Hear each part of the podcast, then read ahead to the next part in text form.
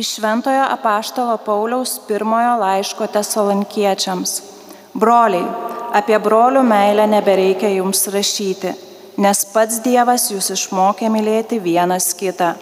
Ir jūs taip darote visiems broliams visoje Makedonijoje. Mes tik raginame jūs, broliai, daryti daugiau pažangos, stengtis gyventi ramiai, atsidėti saviesiems reikalams ir darbuotis savo rankomis kaip jums esame įsakę. Tai Dievo žodis. Viešpats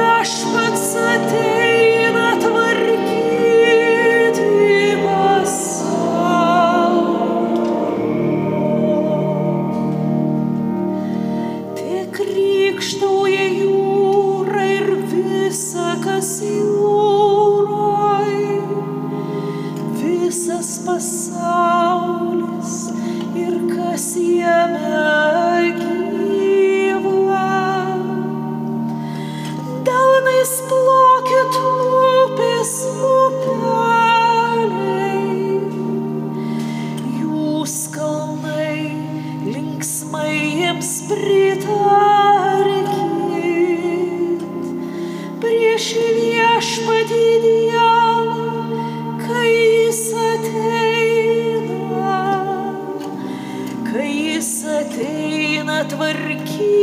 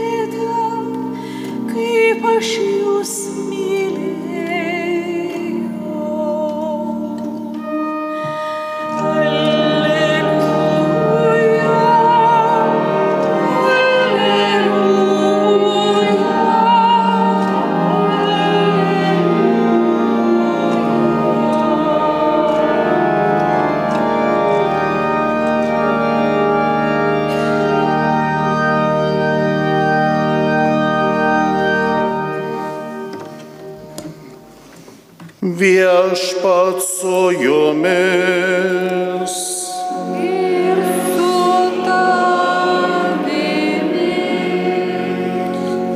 Iš Šventojios Evangelijos pagal matą.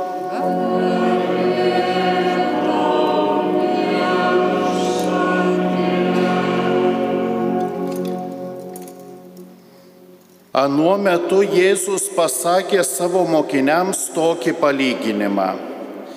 Vienas žmogus iškeliaudamas į svetimą šalį pasišaukė tarnus ir pavedė jiems savo turtą.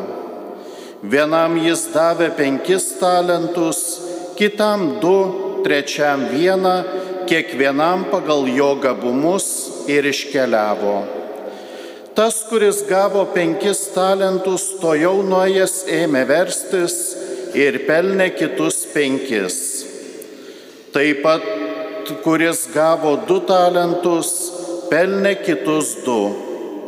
O kuris buvo gavęs vieną, nuėjo iškasė duobę ir paslėpė šeimininko pinigus. Praslinkus nemažą laiko, anų tarnų šeimininkas grįžo ir pradėjo daryti su jais apyskaitą. Atėjo tas, kuris buvo gavęs penkis talentus.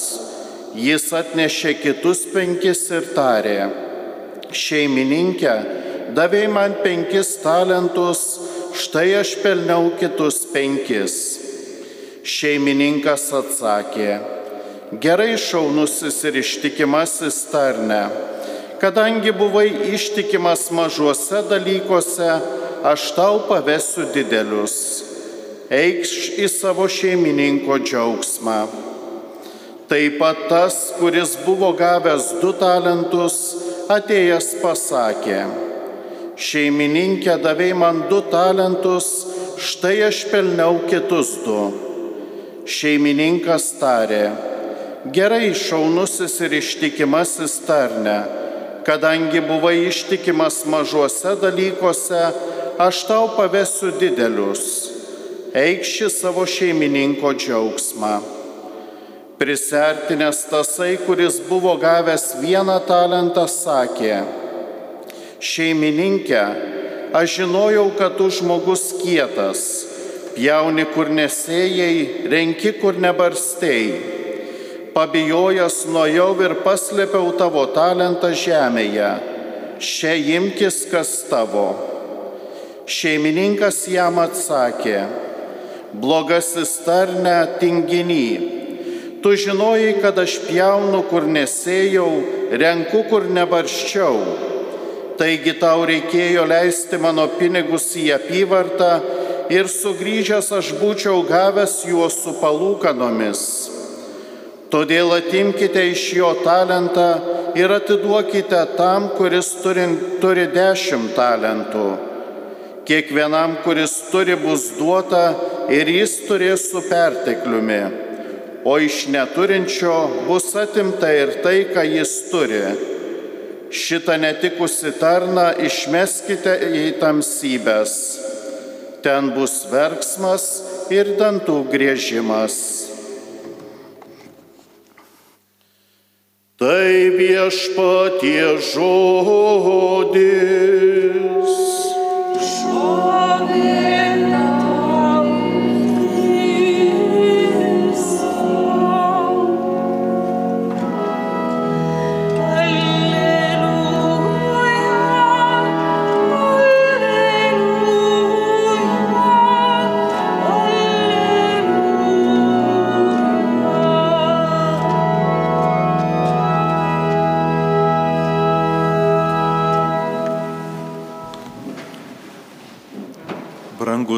Broliai ir seserys, šiandien mes girdėjome, gėdojame psalmės atliepą viešpats ateina tvarkyti pasaulio.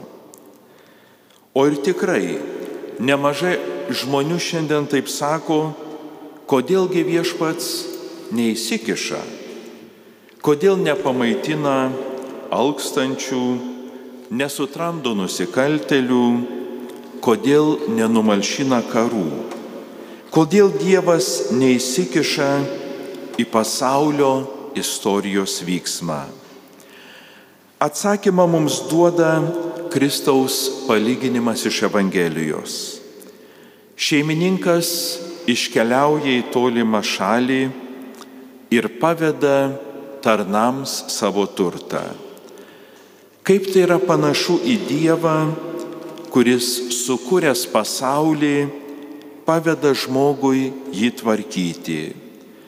Kad būtų lengviau, duoda pagrindinius orientyrus, instrukcijas, savo įsakymus.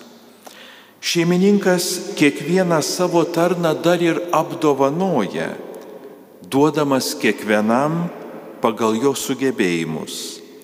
Vienam penkis, kitam du, o trečiam vieną talentą. Ir įpareigoja jais pasinaudoti, tvarkant patikėtą turtą. Brangiai Dievas taip pat ir kiekvieną iš mūsų apdovanojo įvairiais sugebėjimais, o svarbiausia - kūrybiškumu. Ar mes galime kaltinti Dievą, jei žmogus nepasinaudoja jo paliktais talentais, paniekina jo įsakymus, sėja neapykantą, melą ar kerštą? Palyginime sutikti tarnai turi dvi galimybės. Arba jie verčiasi iš gautų dovanų ir pelno lygiai tiek pat, kiek gavo, arba jie atmeta dovaną. Man labai rėžia ausį tie žodžiai atmeta dovaną. Kai kas nors mūsų aplanko, kažką padovanoja, Tai gali būti visiškas niekutis, gali būti pakeliai nuskintas gėlės žiedas, mes džiaugiamės, nes tai reiškia mums parodytą dėmesį ir pagarbą. Ir kaip klaikiai atrodytų dovanos atmetimas. Tai pats didžiausias įžeidimas dovanotojui.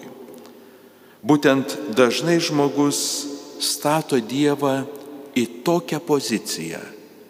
Dievas duoda tau teikia dovanas, o tu jas atmeti. Ein ir kuo giliau užkasi tas Dievo dovanas.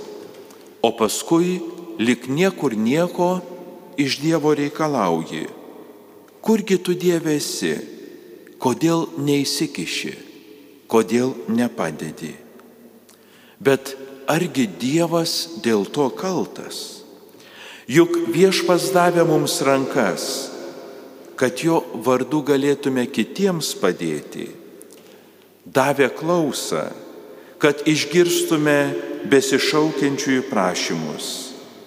Davė liežuvį, kad mes surastume paguodos žodį. Būtent su tokiu paguodos ir padrasinimo žodžiu popiežius Pranciškus šiandien lanko Mongoliją, kurioje po didžių stepių plotą įsibarstę gyvena tik apie pusantro tūkstančio katalikų. Visiškai nedaug, tiek pat, kiek panašiai gyvena jūsų parapijoje. Ir tą mažą kaimenę aplanko popiežius.